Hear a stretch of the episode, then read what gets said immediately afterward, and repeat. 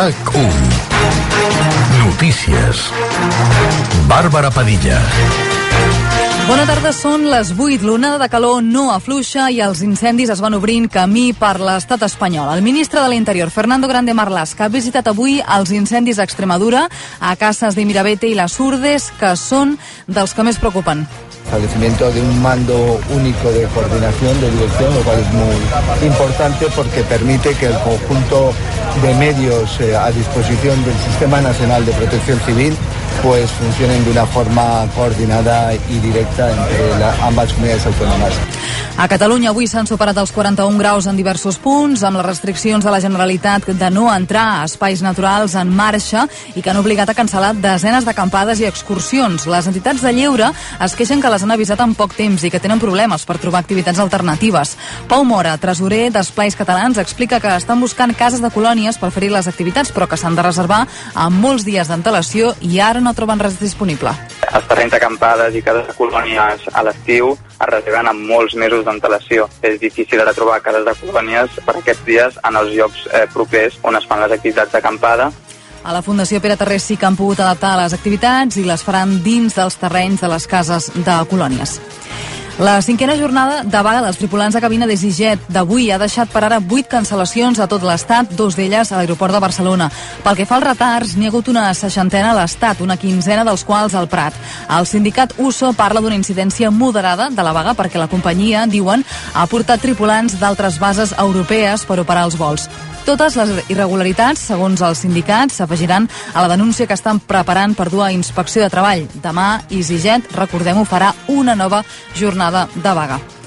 Els apartaments de lloguer turístic tenen els preus disparats. Les associacions d'apartaments de Girona i Tarragona admeten que els preus han pujat un 20%. El vicepresident de l'Associació Turística d'Apartaments de la Costa Brava, Toni Garcia, i també el president de l'Associació d'Apartaments Turístics de la Costa Daurada, Joan Calvet, atribueixen la pujada a la inflació. N'han parlat a RAC1. Hi ha una repercussió de pujada de preus sobre el propi preu final del lloguer, no? Per exemple, la Costa Brava Sud incrementa preus mitjos del 25% i possiblement més. Que els preus dels subministres de gas, aigua i llum, dels productes de neteja, no els posem nosaltres. Nosaltres no som els provocadors de la inflació. Ha explicat també que una part de l'increment de preus l'estan assumint els propietaris i que no recuperaran les pèrdues de la pandèmia fins d'aquí molts anys. I d'aquí una hora comença el concert d'Eufòria al Palau Sant Jordi. 34.000 persones assistiran al primer concert en directe dels 16 concursants al concurs de talents de TV3. La guanyadora, la Mariona, la Núria, Enriquell i els seus companys cantaran les cançons de que més joc els van donar durant el programa. Demà a la tarda hi tornaran amb un segon concert. I ara els esports, a Mar Aventura. Robert Lewandowski ja és oficialment jugador del Barça. El club ha comunicat que ha arribat a un principi d'acord amb el Bayern. El Barça pagarà 45 milions d'euros més variables. El davanter polonès s'incorporarà a la gira dels Estats Units a les pròximes hores. L'expedició blaugrana ja està viatjant cap a Miami. No ha pogut pujar l'avió l'entrenador Xavi Hernández per problemes amb el seu passaport. Ara mateix fora en directe. L'Espanyol està jugant el seu primer amistós de la pretemporada a la ciutat esportiva Dani Jarque contra el Montpellier. Joan Camí. Minut 30 de la segona per a la ciutat esportiva. Dani Jarque guanya l'Espanyol per 1-0 gràcies a un golàs de falta directa de Nico Melamed. Han debutat tres dels quatre nous fitxatges, Vini Sousa, Brian Olivan i José Lu. 1.500 aficionats s'han apropat a la ciutat esportiva per viure en directe el primer partit del nou espanyol de Diego Martínez. És futbol. A les 9 de la nit Espanya buscarà certificar l'accés als quarts de final de l'Eurocopa femenina. Ho farà contra Dinamarca i necessita com a mínim un empat. A la mateixa hora s'estarà jugant l'altre partit del grup entre Alemanya i Finlàndia. L'australià Michael Matthews ha guanyat la 14a etapa del Tour de França en l'escapada Mendé. El català Marc Soler ha estat quart. El mallor groc Vingegaard ha aguantat l'atac del favorit Pogacar i manté els 2 minuts i 20 segons d'avantatge. I a aquesta hora a Terrassa s'està disputant la primera semifinal del Mundial d'Hockey Herba Femení. Està a punt d'acabar el partit Països Baixos 1, Austràlia 0. A dos quarts de nou es jugarà la segona semifinal entre la i el temps aquesta nit tornarà a ser de mal dormir a gran part del país, amb termòmetres que en general costarà que baixin dels 20 graus. Demà de nou la calor serà extrema a l'interior, tot plegat acompanyat de sol i algunes nuvolades en zones de muntanya, bàsicament al Pirineu.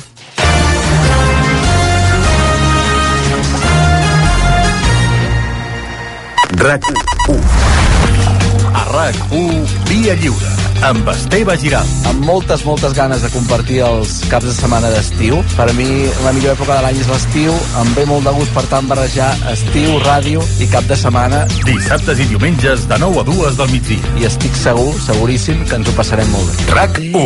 Tots som 1. No. Sí? No. Sí? Sí? No. Reconcentrat. Sí? Sí. En aquesta recta final del programa i de temporada us estrenem la cançó de l'estiu de RAC1, que aquest any la canta. Hola, Su, bon dia. Bon dia. Què tal? Molt bé, molt contenta d'estar aquí, la veritat. Bueno... No havia vingut mai, em sembla. Sí, que molt contenta. Sí que havia vingut, no? Jo crec que sí que havia vingut alguna vegada la Su. Potser estaves en aquella diré que no en aquesta. Pot ser, pot ser. La Su és la intèrpreta de la cançó d'estiu d'aquest any de RAC1 que surt d'aquí. Recollit. Posem la ràdio a tope, no t'agrada res del que jo escolto, però ho podem solucionar.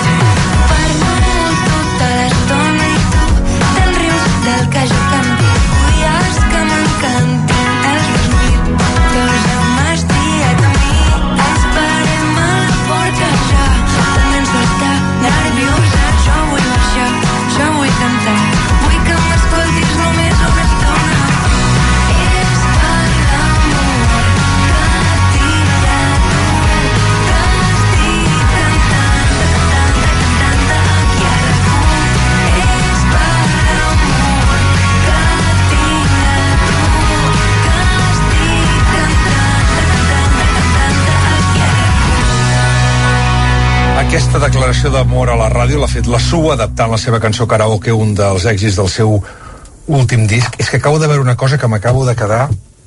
Su, tens 22 anys. Tinc 22 anys. Els mateixos... És a dir, l'any que va néixer RAC1 vas néixer tu. Mira, som... som... Sí, és per, a, a, més, per, és per aixecar-nos i apretar a córrer, també t'ho he de dir. No riguis, Guillemil Kiwi, bon dia, eh? Bon dia. Bon dia, Jordi Beltran. Bon dia, bon dia. El pas dels anys No, és, és terrible. No, mira endavant sempre. sempre. Sí. Molt millor que passin que no que es quedin allà I tant, tancats, no? per favor. Escoltes la ràdio Sur normalment o no? Escolto la ràdio, sobretot ràdio musical. Musical, òbviament, Més sí. aviat. Però sí que sóc fan de, de la ràdio, sobretot al cotxe. Jo crec que és el clàssic, però sí, sí. La gent de la, de la teva edat, estem parlant dels, de la gent de 20 anys, del teu entorn, escolta la ràdio a través de musicals, de podcast, d'escolta plataformes... Sí, jo crec que els podcasts ara mateix estan en auge i és super evident. I jo crec que escolto la ràdio més de lo normal per tenir la meva edat perquè tinc moltes hores de furgoneta i llavors és el que, és el que solem posar. Mm. Tu escoltes, dius, ràdio musical. A casa eh, s'escoltava la ràdio també o no? Mm, també sobretot al cotxe. Jo recordo molt el meu avi sí que escoltava la ràdio als matins com per esmorzar i per eh, el noticiari típic però, però sí que, vull dir, allò pel meu propi peu posar la ràdio a casa no recordo gaire La, la Su va començar a donar a conèixer la seva música a través d'una plataforma, cosa que fa 30 anys això no passava, i ni 20, que va ser bàsicament Instagram. Sí. Continua sent una bona xarxa per descobrir música o a la música ha fet el salt cap a TikTok, per exemple? Jo crec que la música ha fet el salt cap a TikTok. Uh, evidentment, ara Instagram, amb el tema dels Reels, sí que hi ha un munt de, de cançons, però la majoria veuen de lo que està en tendència a TikTok. O sigui que ara mateix eh, la xarxa social musical per excel·lència jo crec que és, que és TikTok. O sigui, és bàsic col·locar una cançó... Vaja, bàsic no. És a dir, és... Si entra una cançó a TikTok i entra bé, vol dir que la cançó es multiplica, no?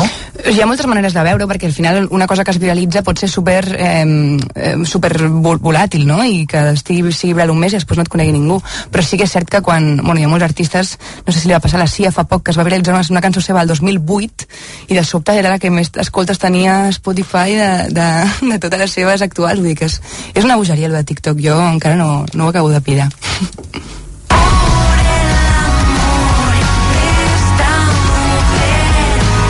Va rebre l'encàrrec de, de RAC1 per fer la cançó de l'estiu, vas tenir clar que l'adaptació havia de ser d'aquesta cançó? Jo crec que, bueno, acabàvem de treure el disc i, i tenia moltes opcions, però crec que és la més enèrgica i la més, la més estiuenca de totes. Tu què creus? Et sembla bé? A mi sí. Bueno, és que, és que clar, si m'arribes a col·locar a mi una cançó aquí, allò més tranquil·la i més pausada... Més de la Su, doncs, no? No, clar. Llavors, clar, aquí- a més, et dic una cosa, el disc el com- obres amb aquesta cançó. I tant, sí. I obrim aquesta cançó també és una declaració d'intencions. Sí, A veure, amb aquest disc hem fet un canvi de xip, eh, hem anat cap al pop rock més de tota la vida, el que més he begut jo de petita, i, i, i volia obrir així, no?, amb una bufetada i per col·locar tot al meu puesto. Però per què? És una aposta? Perquè volies? Perquè tenies ganes de canviar? Mira, Jordi, perquè venim de dos anys de pandèmia, de concerts asseguts, i jo tenia ganes de fer concerts de saltar, de ballar, de cantar, i, i un disc que, que ho acompanyés tot plegat. Hi ha un moment que parles de por el amor a esa mujer, veus? Això és una picadeta d'ullet a la cançó de Bustamante i de... Totalment. Sí, la cançó es diu karaoke i de fet a la cançó original hi ha bastants, bastants picades d'ullets a cançons de karaoke típiques cutres que, que cantem tots. Saps si Bustamante escolta la cançó o no? Ho dubto moltíssim. Uh, la cançó a la que fem referència, aquesta que escoltaven de Cadent, de Bustamante i de, i de l'Àlex, pobra, uh, és de l'any 2002, quan tu devies... Bueno, tenies dos, Dos anys, dos anys. Això vol dir que vas descobrir eh, la cançó més gran? O ja la- No, que va, jo, o sigui, a casa meva eren molt fans d'OT, o sigui, l'OT1, jo tinc vídeos cantant totes les cançons en un any, escondidos de la Xeno i el Bisbat, sèrio? t'ho juro, t'ho juro, soy molt fan. I llavors, eh, bueno, aquesta cançó l'he mamat des de petitona. Era en otra vida, ya no brillará el sol. Te daría un beso, pero sé que no, no puedo habernos Quan eres adolescent, quina música t'agradava? Te'n recordes o no d'aquella música que escoltaves quan eres petita? Que deies, Mm, escoltava, jo crec, molt l'oreja de Van Gogh, el canto el loco... Melendi em va donar també bastant durant una època, sí, sí. Ah, has anat a karaokes molt o no? Moltíssims. El que passa que els karaokes de Barcelona tenen un puntet de cadena estrany. Jo crec que s'han de fer karaokes una mica menys guiris i més per gent d'aquí. Amb cançons d'aquí també, no? Molaria molt aquesta proposta. Clar. Bueno, aquí n'hi ha, aquí relativament a prop, n'hi ha, un, hi ha restaurants xinesos que tenen. També, sí. Jo Karaokes que molt no, no l'he no investigat. Ja, ja. I les cançons que has cantat més, els karaokes? Perquè, esclar, normalment no, hi ha Juntos, ah, de, de Paloma San Basilio, que és un dels grans èxits. Uau, jo crec que, jo crec que Dos hombres sin destino és un clàssic, Mm. Sin miedo a nada de l'Àlex Ubago també és un clàssic. Me muero por como. Ah, sí? Eh, alguna d'Ava, si vinga una mica amunt, potser Waterloo. Mm. Mola molt els karaokes pujar amb diverses persones a dalt de l'escenari per no, per no flipar-te i ocupar molt, molt d'espai. Sí, home, sí, però aquí pugen tu amb una, amb, a l'escenari va directe a fer el ridícul. Clar, però, és- no, home, no, per favor, però jo, jo als karaokes no vaig a cantar bé, vaig a passar-m'ho bé i a fer una mica el show.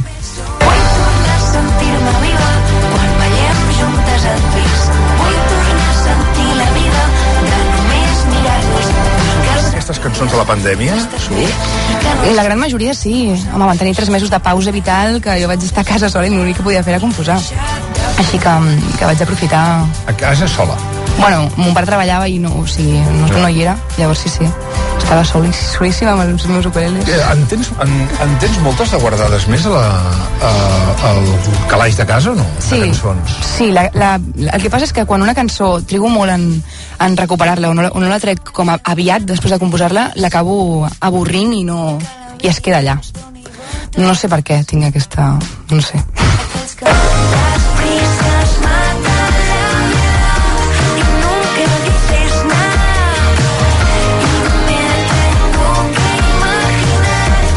karaoke és un disc de desamor i d'amistat per ballar mentre plores.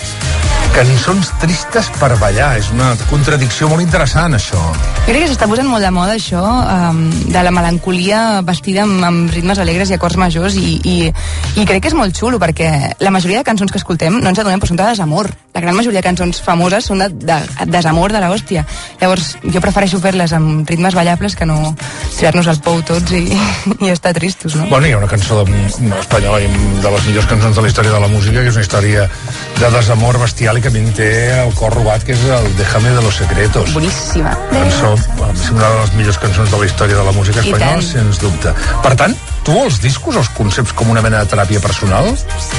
En part sí, a jo crec que tothom qui escriu, escriure és una teràpia en general positivíssima per tothom um, i el que passa és que després quan has de treure les cançons davant del públic l'esforç mental és molt més heavy perquè al final estàs exposant-te 100% i més jo que és com una autobiogràfica o sigui que és bastant guai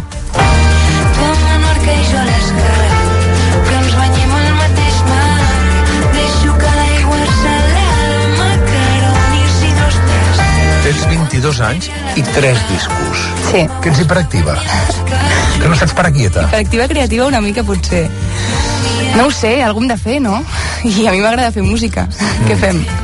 No, no, no, anar tirant, no, no I tant. faltaria. I a sobre encara en tens de guardades, doncs, doncs imagina't. Què, Guille?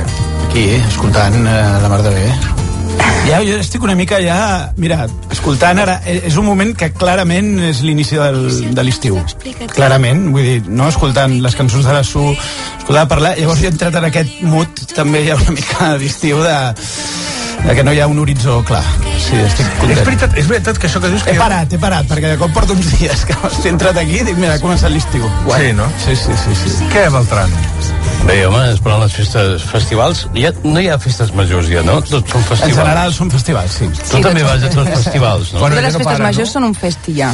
Són festivals. Sí, sí, jo estic molt contenta d'aquest estiu. la Quants concerts tens, ara? Bueno, ja has comptat, no sé idea, ja. Jo crec que acabarem l'any amb un 50 i pico, 52, 53. Home, està bé, no? Bueno, Estic molt contenta. És la bona collita, És bona. Hi ha una altra cosa que em té fascinat. Jo crec que per l'estat de ràtio de població, Catalunya deu ser el país del món amb més festivals per habitant. O sigui, és que aquí, a l'estiu, eh, em refereixo, és que n'hi ha molts, eh? Sí, a cada, a cada poble, per petit Ara- que sigui, ara- munten una gran festa. És que és espectacular. Bé, el pes que el Jordi, que, que ho, no, ho, el Beltran ho deia així una mica amb aquest, amb aquest to que de vegades no sap si, si, si, si, Ah. si, si conté un, una, un, un bri d'ironia, però és cert que això, Jordi, ho hem comentat mil vegades, mm. i ara el que deia la Su també, la festa major en molts casos, sobretot de pobles petits, s'ha transformat en un mm. festival mitjà, petit, gran, de vegades, Llavors és, és un pèl trampós dir que hi ha una sobreexplosió no, de festivals quan al final alguns bàsicament és un canvi de nom, poder, i de- i de- i d'imatge, no? O de- o d'estratègia. Sí, però s'han in- s'han inventat alguns, no? Per exemple, jo recordo la Cerdanya, em sembla que se n'ha muntat, se n'ha inventat Sí. un fa un any, Dos. una cosa o dos, ja. Sí, de fet, se dos. A, a llocs diferents, a més. Ah. Mm. Per això, que vull dir que, que és el, sembla que és el futur. Jo el que volia saber és com us sentiu tocant a un festival i si creieu que allà feu un concert de veritat o realment feu una hora i adeu. És, és molt estrany. Depèn de quin festival és molt estrany perquè et diuen, ei, si, no, si et passes un minut et fotem fora de l'escenari i això és una mica un show. Però um, intentem fer-ho el màxim, vull dir, al final vas, vas a fer el show i a fer els hits més hits i més ballables, no vas a fer el teu, el teu espectacle d'hora i mitja que faries a, a una altra banda. Però això pot fer que el públic s'acostumi allò a concerts més curts, a dir, bueno, jo m'espero que vagin a algun festival i si veure aquest, aquest, aquest, aquest, aquest, i ja està. O sigui, de quina manera el festival resta protagonisme al bolo de l'artista, diguéssim. El públic que només et veu a festival no és el teu públic més fidel, no és el públic que pagaria entrada per veure't una sala, llavors jo m'ho prenc de, man de maneres diferents. Eh, aquell, aquella persona ha vingut a veure't tu i a 50 grups més, llavors donar-li el show increïble perquè ho balli una estona i el teu públic de veritat ja tindrà a veure una sala, pagar l'entrada i, i a fer l'altre espectacle. Tot i que el Jordi Beltran fa molts anys, jo recordo 8 o 10 anys, apuntava en aquesta secció d'aquest programa eh, un efecte que efectivament jo crec que és indubtable que ha passat a, a, a Catalunya, ha passat a Espanya i diria que ha passat a la majoria de, de llocs del món, que és que molts grups que s'han acostumat molt al format de festival inevitablement han modulat eh, la seva proposta artística sigui de forma conscient o inconscient de cara a que això sigui la plataforma de llançament d'aquestes cançons i ha fet que sí, que efectivament hi hagués una explosió de música que està preparada, ja dic, no dic que sigui 100% conscient de vegades, de vegades ha estat un element inconscient, preparada per corejar, llavors això que de vegades hem parlat de la futbolització de la política o de la ràdio fins i tot, o del que sigui, també ha passat amb la música a la- a l'hora de, de preparar cançons que estiguin no, disposades perfectament i encaixin perfectament en aquest format i es puguin corejar de- d'una manera molt similar a com seria en un estadi de futbol, no? per exemple. Sí, mm, sí, jo crec que tens tota la raó del món. Evidentment que hi ha molts grups que són grups de festi. Bueno, o, o... Sí, sí, ho va dir el Jordi, vull dir, jo he Sí, són reproduït una mica el seu, la seva d'això, però bueno, ha passat, és cert. Són les 11 i 39 minuts. La Su... He portat l'ukelele, sí. Home, portat l'Urkel i estem poder estar tots tranquils. La cançó de l'estiu de RAC1, la podem, la podem uh, sentir en directe aquí al Món RAC1? I tant. l'ukelele. Vinga, són les 11 i 39 minuts. Endavant, Su. Aquesta nit et convido al karaoke, ja m'has recollit. Posem la ràdio a tope, no t'agrada res del que jo escolto, però ho podem solucionar. Parlo molt tota l'estona i tu Te'n rius del que jo canto, odies que m'encantin els 2000, però ja m'has triat a mi. Ens parem a la porta ja. Començo a estar nerviosa, jo vull baixar, jo vull cantar. Vull que m'escoltis només una estona. És per l'amor que tinc a tu que estic cantant, cantant, cantant aquí a rac És per l'amor que tinc a tu que estic cantant, cantant, cantant aquí a rac Reconcentrat. RAC 1. Senyores i senyors, tot passa al vostè primer, amb Marc Giró. D'una a dues del migdia a RAC1. Marc Poyato acaba d'aterrar l'helicòpter. Amb el fèretre de Franco a dins. La ministra, en Francis Franco i el fèretre. Sembla un xiste. Había una vez un helicòpter, una ministra de Justícia i Francis Franco dentro. Laia Colomer. Explica-ho tu millor perquè jo m'he fet un liu. L'última hora pel que fa al temporal Glòria, que està afectant de ple el país. Espera't, perquè crec que el Joan Maria Morros ens donarà pas a la conferència de premsa. Des del govern de Catalunya volem seguir insistint Garantir la distància mínima. El nostre corresponsal a Londres ha mort Felip d'Edimburg. Quina és l'última hora? Bueno, que Sí, s'ha mort. doncs, L'última hora és que s'ha mort, és però que s'ha ampliat. Ha mort als 99 anys. Moltes gràcies. Xavi Hernández.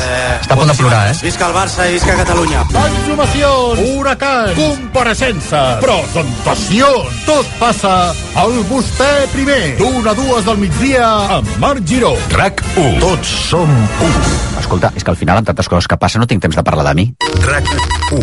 Les nits a RAC 1 són esportives. Avui hi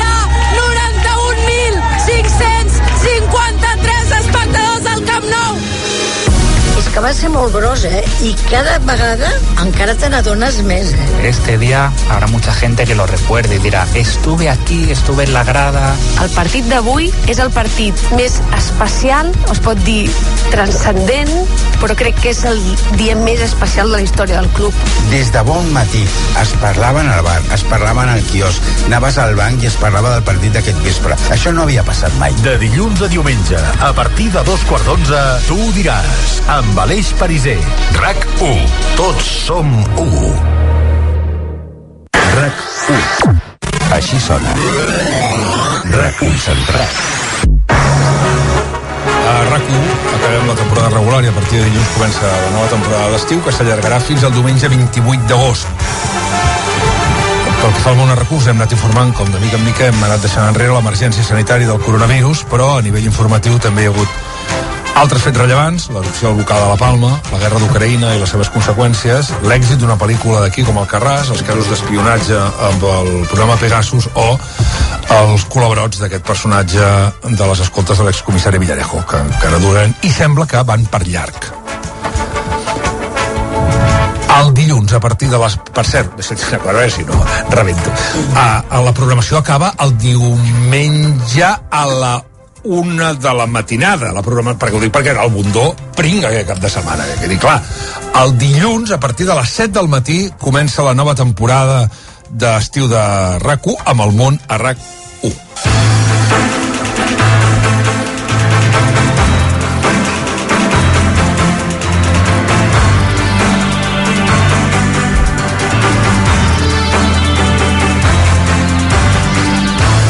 Has tingut temps de fer promo o què? Sí. Hola, Anna Ballonesta, bon dia. Bon dia. L'Anna Ballonesta... No, esclar, normalment tenim unes promos i ara aquí... Això no és culpa meva, la, la promo està feta. Val. No sé què ha passat. No, ja, ja, bueno, que, que, fa, que fa el guió, que deu haver sigut algun El dels teus Joan, el enemics. Joan, el Joanet, Ferrer l'ha sí? Oh, ja t'ho dic jo, has de Un dels fer. teus enemics no té res més a fotre que... De 0 a 10, nivell de nervis ara mateix? Mm, sis. Coi. Ara mateix, ja tinc tot el cap de setmana Per per, per anar creixent. Ganes que sonen ni el despertador de dilluns, Anna Ballonesta? No. Que s'hauria despertat cap, ni que No. cap ni una. Um, mira, mira Sonarà més aviat que durant l'any, imagina't. En tinc poques de ganes. Sí, perquè arribarem una miqueta abans, arribaré una miqueta abans del que arribo habitualment, per tenir temps de mirar-m'ho tot. Ja. M'hauré de llevar abans. Mira, la pregunta que m'han posat aquí, que Què? sàpigues que no és meva, jo aquesta no te la faria mai. Has fet alguna cosa aquests dies a banda de passejar-te per la redacció? No m'ho crec. T'ho juro? No m'ho crec. Ostres, el Joan ja li val, eh, l'últim dia? Jo Jo, només dic, soc més bona persona que... No, m'he passejat una miqueta i m'he fet una miqueta de feina, també. No, Déu-n'hi-do aquesta última setmana, eh? Ja. Hi haurà noms nous a les tertúlies? Hi haurà alguns noms nous, sí. Es poden saber? Mm, que ho escoltin, no? No, hi haurà noms... Una presentació de temporada. Està molt No, hi haurà noms, de, hi haurà noms que, que repeteixen de l'any passat, que ja van estar amb l'Albert Sort aquestes dues últimes temporades, però sí que estrenarem alguns noms. Hi haurà, per exemple, el Camilo Vaquero, de Mhm. El País, tindrem el Raimundo Viejo, que ara fa temps doncs, que, que no apareix eh, pels mitjans de comunicació, tindrem també doncs, a, a l'Anna Simó algun dia, tindrem l'Àlex Govern, és a dir, sí, hi haurà noms nous, però també hem volgut assegurar a la gent que ha funcionat doncs, aquests últims anys doncs, que volem que repeteixin també l'estiu. Qui més? Qui més hi haurà aquesta De temporada? tertúlies o de col·laboradors? De tot. Doncs mira, de col·laboradors... Si no, de tertúlies em diràs que no em diràs, doncs digue'm els col·laboradors almenys. Va, col·laboradors us en diré alguns. Tindrem els dilluns la Maria Climent, que Mm. segurament molts us sonarà el seu nom per, per Gina, Per un llibre per preciós. aquesta novel·la. Uh, vindrà cada dilluns, ens recordarà una mica com han estat els estius de la nostra infància. De la nostra, vull dir, de la nostra generació, ella, si no m'equivoco, és del 85, per tant, doncs al voltant dels que tenen uns 40 anys. Tindrem la Berta Roca, que tothom que escolti el Monarracú doncs ja la coneix, eh, mm, cada dia contra les 8 ens fa aquesta píndola d'actualitat sobre les xarxes i els dimarts vindrà i ens ho farà doncs, una mica més extens, ens farà un recull de la setmana de tot el que hagi trobat polèmiques, tot això. Tindrem el Pau Serrasolses, que segur que us sona perquè és el 50% de Ginestar, ha vingut al programa, ens parlarà de música, de música en català, eh, ell redescobrirà alguns discos que quan van sortir doncs, no havia nascut, ens els portarà com veu una persona jove, mm, discos doncs, dels primers discos d'Alexandre Busto, els primers discos dels Pets, eh, de Sau, tot això. I no sé si voleu que us expliqui alguna cosa més. Sí. Sí, eh? Va, una més, una més. També tindrem la Laura Grau els divendres. Uh, la gent la coneixerà per, per RAC Sí, home, 105. i tant. La Laura ens explicarà doncs, com sortir-nos-en de circumstàncies una mica incòmodes. Allò que dius, ostres, aquí no sé què fer, doncs això. Ella ens, ens dirà algunes opcions i l'opció definitiva, que és la, la que ella faria. Va, jo no t'explico res més. No, però, però Joan Ferrent diu, hi havia dues... Què? Que no, no fa la bronca a mi ara. Quines, pre quines preguntes no més trampa? Diu, hi havia du- dues preguntes i la promo. Pues A veure. Tirem, pues tirem la promo, espera't un moment. Perquè... RAC 1. A la Què ballonesta. fa? Ui, no tinc auriculars aquí. Què tal? Que tinc feina. Oh! Perdó, eh? Perdó, perdoni. És eh, Lady Ballonesta. Aquest estiu, el món a RAC1 en molt bones mans. Ara Ballonesta, vots a favor? Doncs, Doncs. ja està. Doncs. Jo me'n vaig. Ara Ballonesta... Per... Ara m'he de seure allà. molt, molt, molt bones. Se'n va, deixa el programa aquí, en mans de qui sigui. El món a RAC1. Ara, de 7 a 12, amb Anna Ballonesta. RAC1. Tots som 1. Però que marxes de debò? Sí. Marxes de debò, no? Avui. Sí, avui marxo de debò. Eh, el contenidor i el WhatsApp i tot això, sí? Sí, també continuarem amb el, conten el contenidor, missatges de veu breus, al 669 10 10 10, tothom que vulgui enviar-nos, i la cançó de l'oient també, la mantindrem cada dia, si algú vol dedicar cançons, doncs també, ja sap que ho pot continuar fent també durant l'estiu. Mm. El Xavi, pa bé, el Xavi, Xavi Pardo, què tal? Molt bé, eh? És que clar, és que ara estàvem parlant amb l'Anna de, de... És que he escoltat, bueno, coses que puguin passar. Moltes. Jo és que, jo és que Moltes. veig algun, algun, dues o tres coses que dic, bueno... Pocs estius recordo que es presentin tan intensos com aquest, no? Vull dir que ja ha quedat enrere allò de que a l'estiu no passa res, que els diaris són ben primers, que no tenim que, com farcir, que hem d'omplir allò estirant les notícies, les poques que hi ha com a xiclets, inventar-los a mig informatiu, això ara ja ha passat a la història, i ja fa uns quants estius que han estat intensets, però és que el d'aquest any jo crec que, que no donarem abast, perquè realment hi ha moltes coses que, que tenim entre mans. Uh, mira com deixem la temporada, com l'acabem, no? amb aquesta onada de calor que encara s'allargarà tota la setmana que ve, que tenim totes, tot el mapa de, de Catalunya pintat de vermell, eh, doncs haurem d'estar molt pendents, evidentment, del risc d'incendis, de, de la sequera, els estats dels embassaments, haurem d'estar molt pendents de, de tot plegat, però també haurem d'estar molt pendents de la gent que marxi de vacances amb què es trobarà. Eh, hi han tingut col·lapses a l'AP7 reiterats eh, aquestes últimes caps de setmana, la situació als aeroports és eh, dramàtica, dramàtiques, se'ns ajuntaran les, com, a- com ja està passant avui, les vagues de, de Ryanair, les d'EasyJet, però és que més enllà de les vagues la situació ja és prou contundent, no? amb aquesta falta de personal, amb l'overbooking, totes aquestes cancel·lacions, anar a buscar un vol per marxar de vacances i que tinguin que de cada terra, perquè mm, hi ha massa gent, han venut massa bitllets, no? El, el, que et perdin les maletes i que... Bueno, bueno, bueno, no? O sigui, tot això és, és un drama, però també mm, políticament eh, pinta un estiu intenset. La setmana que ve encara hi ha ple al Parlament. És l'últim abans del període de, de vacances a la cambra.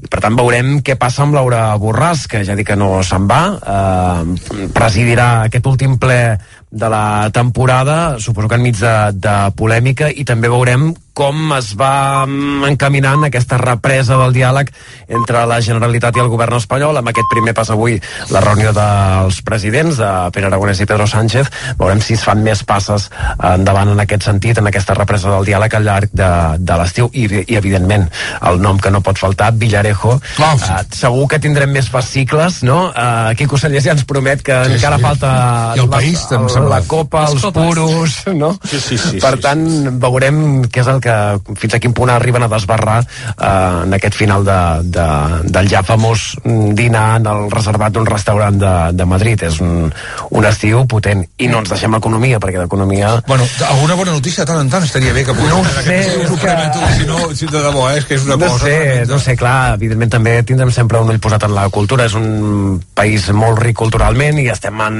un estiu de represa cultural, sobretot pel que fa als festivals, tenim molta música, molts concerts eh, i, i intentarem estar doncs, pendents de, de tot plegat i, i, ja, i de la Covid mm, també aviam si arriben les vacunes aquestes adaptades a les noves eh, variants, a les noves subvariants d'Omicron i si es pot començar a vacunar a partir del, del setembre. Albert Sort també un missatge amb molta raó que diu... Què "I aquest, diu? Aquest to, Quin to? el teu? Tu sabràs. 7 minuts i les 11. Una altra de les estrenes d'aquesta temporada, vaja, aquí també s'estrena aquesta temporada, no a rac però sí presentant un programa a rac és qui substituirà el Xavi Bundo aquest estiu al Via Lliure.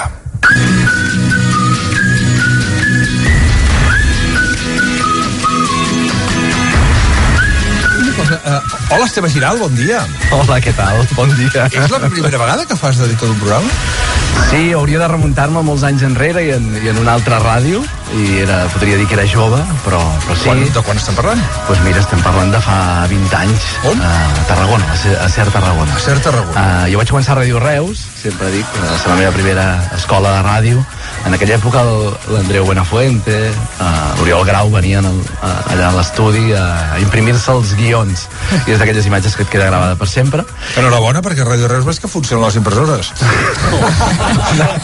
crec que, crec que més o menys funcionaven. I tant tant, Uh, I va ser una gran escola. I aquí estic, amb la meva camisa d'estiu i amb més il·lusió. Vaja, no et pots fer la idea de, de, de la il·lusió que porto al, al damunt, a la motxilla. Uh, I perdó, eh?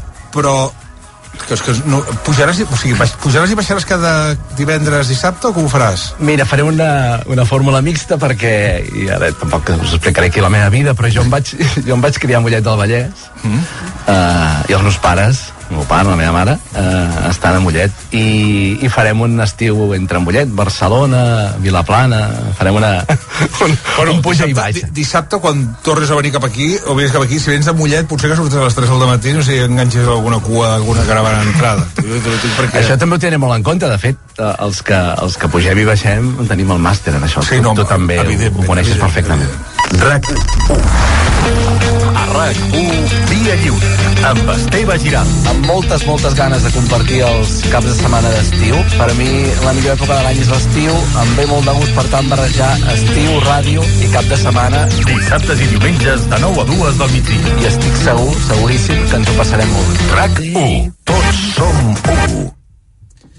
Aviam, Esteve, pots explicar, sisplau, què fareu aquest any, aquest estiu al, al Via Lliure? Mira, eh, el que volem, sobretot, sobretot, sobretot, és passar-nos-ho molt bé i amb això el, el Xavi, eh, Bundó, la diva, no? que Sí, ens, ho, ens ho posa fàcil i ens marca el camí. Tampoc, tampoc ens eh, farem una gran revolució, però sí que seguint una mica el seu, el seu camí li donarem un, li donarem un, un tom o una sacsejada. Jo, jo tinc molta il·lusió per, per posar, per presentar, per convidar a algunes veus que no han sonat a, a rac i que crec que poden ser molt molt divertides i que poden aportar moltes coses i més aprofitant que és estiu, per mi la millor època de l'any i això no ho dic perquè estigui aquí. De fet una de les grans coses que em va fer dubtar quan, quan em fan la proposta aquí gràcies als que han tingut la temeritat de creure-hi eh, és que per mi l'estiu és com, bueno, és una època d'aquelles de viure molt intensament. Però barrejar estiu i, i ràdio és un enorme regal. I en aquesta aventura eh, tinc moltes ganes, per exemple, que els, eh, els oients i les oients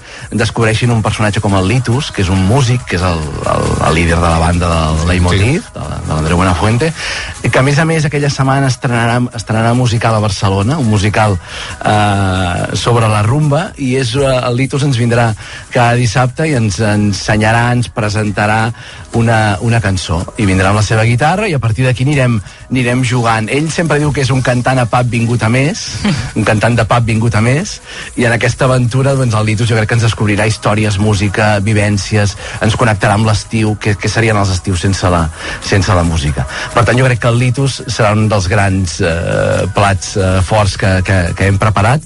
Eh, en aquesta voluntat de descobrir gent nova, eh, l'Anna Zaera és una periodista abrenca, eh, que ens eh, donarà una mirada jo crec molt interessant sobre el, sobre el món rural. Eh, és a dir, m'explico.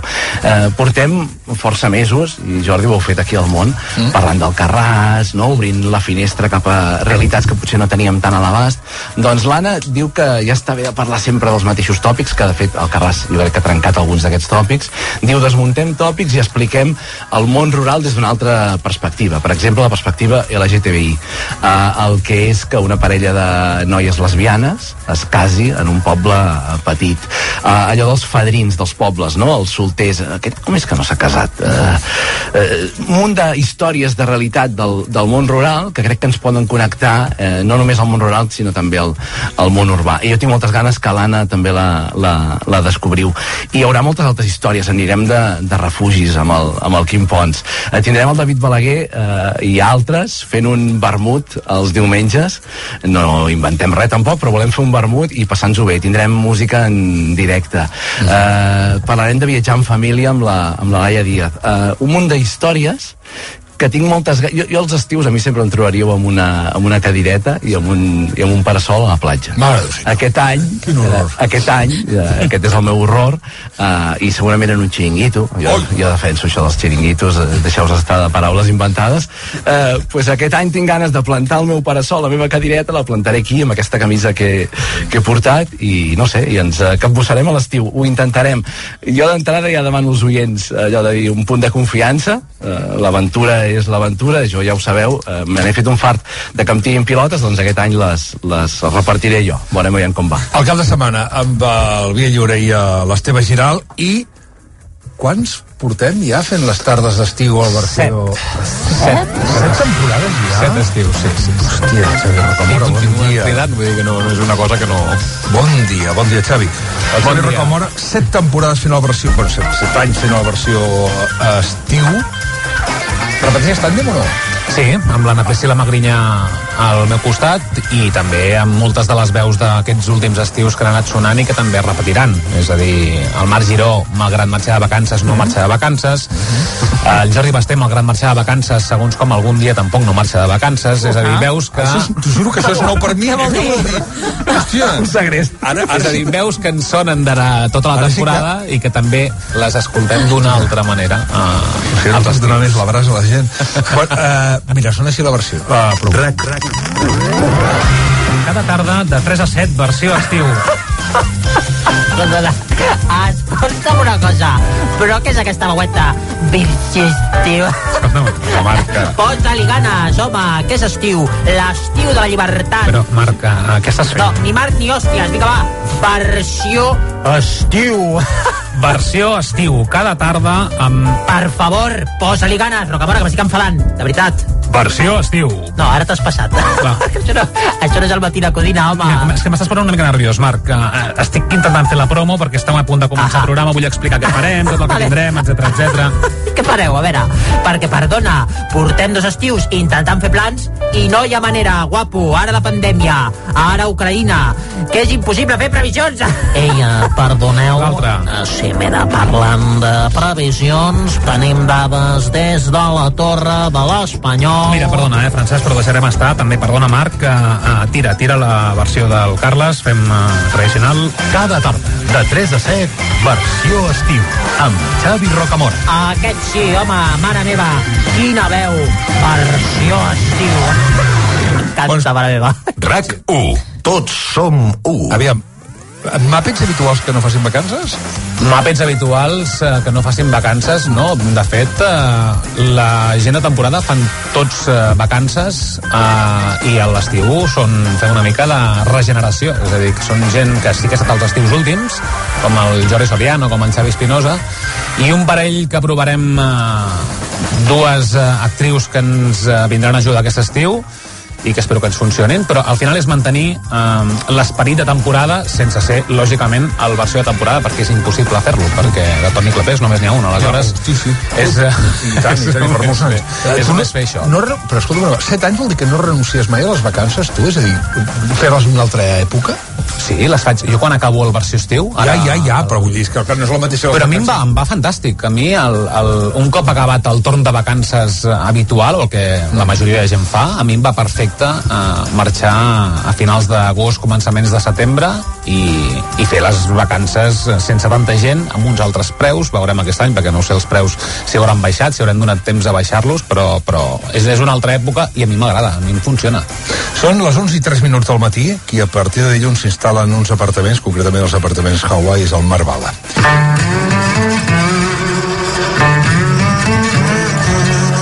Segurament ara mateix vostè està de vacances. Tot l'equip de rac també. L'últim de marxar de la redacció ha estat un guionista que ha robat un tàper d'ensaladilla de la nevera. Un cop arribat a peu de platja, l'ha obert i s'ha donat que el director de l'emissora hi havia deixat un pòstit on deia Si estàs llegint això, enhorabona.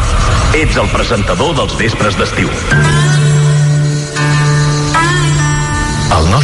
Protagonista ha decidit no renunciar a les vacances i enregistrar els programes des d'un apartament en un punt indeterminat de la costa catalana. Potser no és cap estrella, potser no ho fa en directe, però a l'empresa li ha sortit molt bé relació qualitat-preu. Benvinguts als apartaments Hawaii, amb Marc Bala. Hola, bon dia. Bon dia, què tal?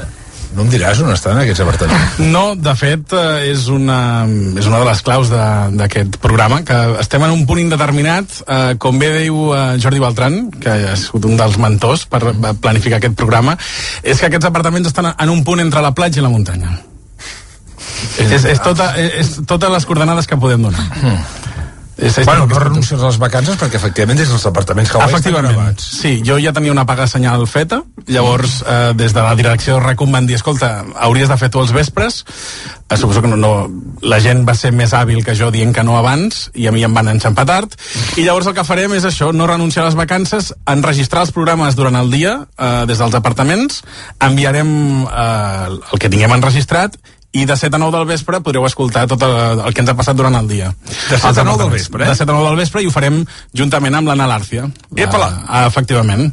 Farem allà, bueno, allà un... Com, aquesta aventura radiofònica compartida. Amb l'Anna Lárcia, que és una de les lingüistes de, de RAC1, el Marval i l'Anna Lárcia amb aquests apartaments eh, Hawaii, perdó, eh? De què Sí. sí. el programa? Bona pregunta. Uh, el programa intentarà ser uh, recollir tots els tòpics del programa d'estiu de fresquet, picadet... Oi. Que dic, No, no, és broma. Però algú havia de dir en algun moment. No, no, no. no. Uh, seran convidats que vindran a, a passar una bona estona allà i ho farem allunyats d'una mica el ritme de, de temporada, de que tot eh, hagi de ser ràpid, de que els talls eh, no passin de 30 segons, d'una cosa que tenia moltes ganes de fer, que les músiques puguin sonar tranquil·lament una bona estona, eh, no mirarem el rellotge si la conversa és interessant, volem estar això una mica aïllats de, del que és eh, el, el dia a dia, la, això, el ritme de la temporada. A mi, jo quan hi penso en això, penso molt eh, en la meva àvia, la, la meva àvia Carme, que, que mm, recuperava això tan clàssic de treure les cadires a fora del portal a la fresca uh -huh. i xerrar amb les veïnes. Volem fer això, que siguin converses eh, informals, senzilles i, i una mica, això sí, eh, recuperant una mica aquest fil d'aquesta tradició que sempre ha ocupat aquesta franja, el, el Jordi Beltran, agafant també aquest, aquest punt cultural també, no? de poder parlar de cultura i de, i de música i això, i passar una bona estona. I amb qui? De, amb qui parla? Doncs mira, per exemple, uh, un dels entrevistats que tinc moltes ganes que passis, en Jorge Fornés, és un, és un dibuixant que des de casa seva envia, envia vinyetes per tot el món perquè treballa per Marvel, per DC. Uh, S'ha fet conegut arreu del món per tenir un dels millors Batmans, segons uh, la crítica de còmics, i aquest noi dibuixa des de Vilanova i la Geltrú, des de casa seva, ho fa digitalment, i publicar per tot el món sense moure's de casa. De fet, està nominat a uns premis Eisner, que són els, mm. els màxims premis. Uh, veurem, uh, l'entrevistarem abans de que marxi uh, als Estats Units, uh, és un dels nominats, uh, per un, un treball que ha fet aquesta temporada, de, de, diguéssim, de curta durada, d'un còmic curt, i, i parlarem amb ell, i aviam com li va aquesta aventura. També, no sé, entrevistarem a, a Benja Villegas, una persona que, que és escriptora, però que també eh, ha volgut reflexionar sobre les bandes fictícies. Bandes que van començar eh, tenint un projecte diguéssim, de, de dibuixos animats, per exemple, i, i, o Gorillaz, per exemple, mm. i que després tot això ha anat desembocant en projectes musicals reals. Mm. Farem una mica... De, i, I també seccionistes tindrem. Ah, sí? Sí, sí. Mira, per exemple, tindrem la Júlia Barceló, sí. uh, Júlia Barceló, uh, actriu, directora i també escriptora del llibre Operació Bikini. Voldrem destrossar una mica tots els plantejaments, precisament, d'això de la pressió estètica, a, a més en una època de l'any on estem tan exposats, no?, també, i hi ha moltes coses que hem de, hem de superar eh, parlant doncs, això de la neutralitat eh, corporal, tot això la Júlia ens ho explicarà. Eh, també tindrem música amb el, el Vidal Soler, que és músic i, i productor. Repassarem... Jo, jo crec que mm, té temes molt interessants que, que també ens acompanyaran uh, als vespres d'estiu. Tindrem el guionista Carles Sánchez Verdú, també. Uh, i, I una cosa que també fa molta il·lusió, un show dins de, de l'apartament Hawaii, dels apartaments Hawaii, que són el duet crec jo, de la temporada, que són els Arribar i ploure, que han fet aquesta cançó que s'ha convertit en un èxit, de les paraules d'antes, mm. doncs vindran també a explicar-nos eh, coses com veuen ells l'estiu i també amb la seva mirada còmica i, i catxonda que tenen ells. I això ho farem, ja dic, de, gravant durant el dia i al vespre ja, ja veurem qui arriba aquí a RAC1, esperem que ho emetin, perquè nosaltres estarem ah. tot el dia gravant esperem que ho emetin, és una... Sí, sí, sí. Segur. Clar, clar, perquè nosaltres... Eh... Tampoc... Bueno, no sé. Farem un WeTransfer nosaltres, saps què Ah, d'acord, ah, va. Llavors aquí esperem que hi hagi algú a l'altra banda que, que ho pugui posar a l'antena. Són les 11 i 9 minuts i del Marc Bala, un altre Marc, en aquest cas el Marc Ferragut, que s'encarregarà del Islàndia Grand Prix.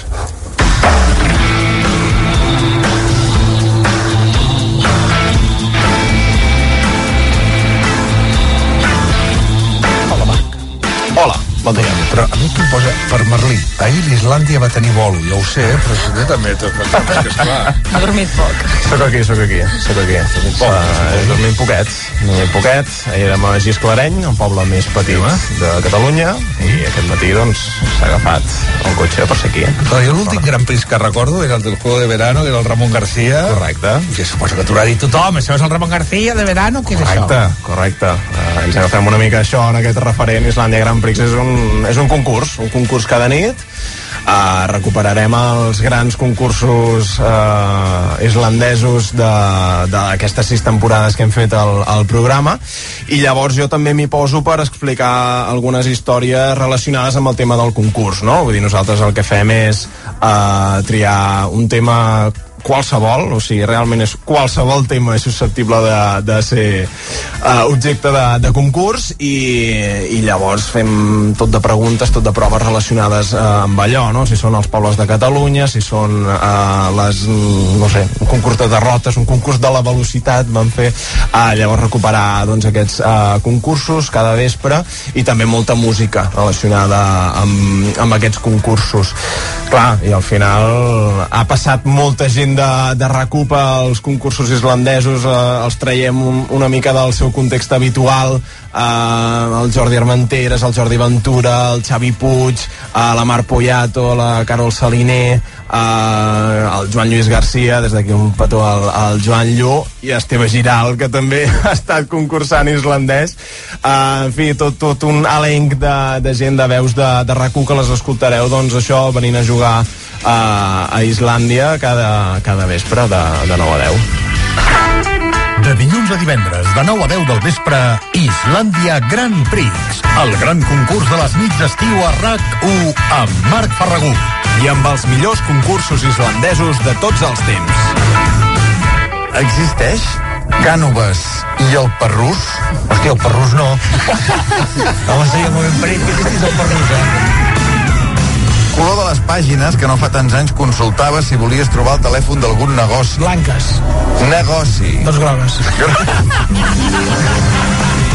De dilluns a divendres, de 9 a 10 del vespre, Islàndia Grand Prix.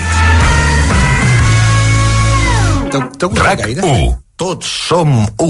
T'ha t'ha gustat gaire fer la tria dels concursants o no? I dels concursos? Ostres, uh, sí, perquè realment hi ha molt bon material. És que hem viscut moments uh, brutals. Aquí només n'hem triat dos per la promo, no? Però és que hi ha moments molt, molt, molt divertits i dius, bueno, com al final són, són això, són 30 programes, són 30 dies de, de dilluns a divendres i, i déu nhi portem ja, ja uns quants, un bon ritme d'això d'anar fent aquests concursos que, que a més deixa'm dir una cosa, que és que és divertit jugar-hi des de casa, o sigui, més enllà d'escoltar-los passivament, eh, proveu-ho perquè, perquè realment és, és, és divertit eh, bueno, posar- posar-s'hi com, a, com a oient intentar seguir el ritme dels concursants que són molt bons. O sigui, jo flipo amb els concursants que portem. Sí, sí. M'han dit, Marc, que tu saps exactament quantes poblacions catalanes van participar al Gran Prix. Correcte, sí, sí. Van ser 14. 14. 14. I una va guanyar. Una va guanyar. Ara no recordo l'any de memòria, però recordo que va guanyar Tordera. Hi ha una cosa que no hi escoltem una cosa. Um, això és per algun motiu en especial? O sigui, però és que eres un friqui de la... De, de, Eh, Mira, no, és un d'aquells concursos que sí que, que, que el tinc gravat a la memòria, o sigui, d'allò d'anar a casa dels avis a l'estiu, que, que sempre, no?, que, que les nits de Gran Prix del Verano, doncs miraves el Gran Prix del Verano... I Ja, ja, ja, ja, ja, ha no sé gent que mirava l'estiu al Gran Prix, Clar, però que no són les 14 poblacions de Catalunya que hi van participar. No, no, això m'ho he mirat per un, per un dels concursos, precisament en aquest concurs de, dels pobles. Va guanyar Tordera, sí, sí. Sí, sí. Te'n recordaries d'altres pobles? D'altres pobles, hòstia, Llers, crec... Uh, I ara m'agafes, perquè n'hi havia bastants, però sí, sí, recordo això, Llers i Tordera. I Tordera perquè va Llers guanyar. quedar, Llers va quedar finalista, si no me- si no m'equivoco. Ara t'ho dic de memòria, però sí, sí. Sempre hi havia les vaques allà, per allà, o no? Sí. Sempre, eh? Sí, sí. Que és un record, record És que, que- tinc és el Ramon García i un... Sí, sí. És que és molt bèstia, perquè sembla molt més antic de, del que és. Es va acabar el 2005. El, el, a veure, clar, fa, fa ja 17 anys que es va acabar, però em refereixo que sembla com de molt més de 80s, 90s, no sé, per, per, per com era aquell concurs, però que al final era un gran concurs, o sigui, era molt divertit i, i era molt d'estiu, no? I al final també el nom és una mica uh, això, agafar aquest esperit de- d'estiu, de, de concurs, de passar-ho bé, de riure, que també és l'hora, no?, que ja estàs una mica de, amb la fresca i, i una bona hora de- d'estiu, vaja. Ara hi arriba una cosa que a mi m'agrada molt, que és que he de, dir, he de confessar que la primera bestiesa que faré aquesta setmana que ve de vacances és esperar fins les dues de la matinada que jugui el primer partit del Barça. El Barça amb xancletes a RAC1. és a les dues de la matinada, ni Aguilar? A les dues de la matinada. El del dissabte no sé si esperaràs, però el següent. A les... Aquest dissabte ja? No, no, no, el, de la, el, el primer, ah. diguem-ne, és dimarts que ve, dimarts que ve, de du, a les dues de la matinada, dimarts a dimecres, davant l'Inter és de dimecres, Miami. perdona, eh, perdona, que, sí, no, que no correcte, perdi, que no m'he despertat a les dues per veure No, no, uns senyors no, no. tocant el violí, que és el que fan a moltes televisions. Formalment és dimecres, de dimarts a dimecres, però, però de dissabte a diumenge, a les 5 de la matinada, Mm. compte, eh, el Sí. menú, Las Vegas, clàssic, Barça-Real Madrid. Per tant, ja tens allò... El dissabte al diumenge a les 5 de la matinada. Sí, senyor. A les 5 de la... Això ho deixo per l'Albert Sort. Això sí? Això ho deixo per l'Albert Sort, que arribarà, que arribarà, arribarà a veure-ho pel el partit. Es lleva d'hora. Per anar a, a córrer.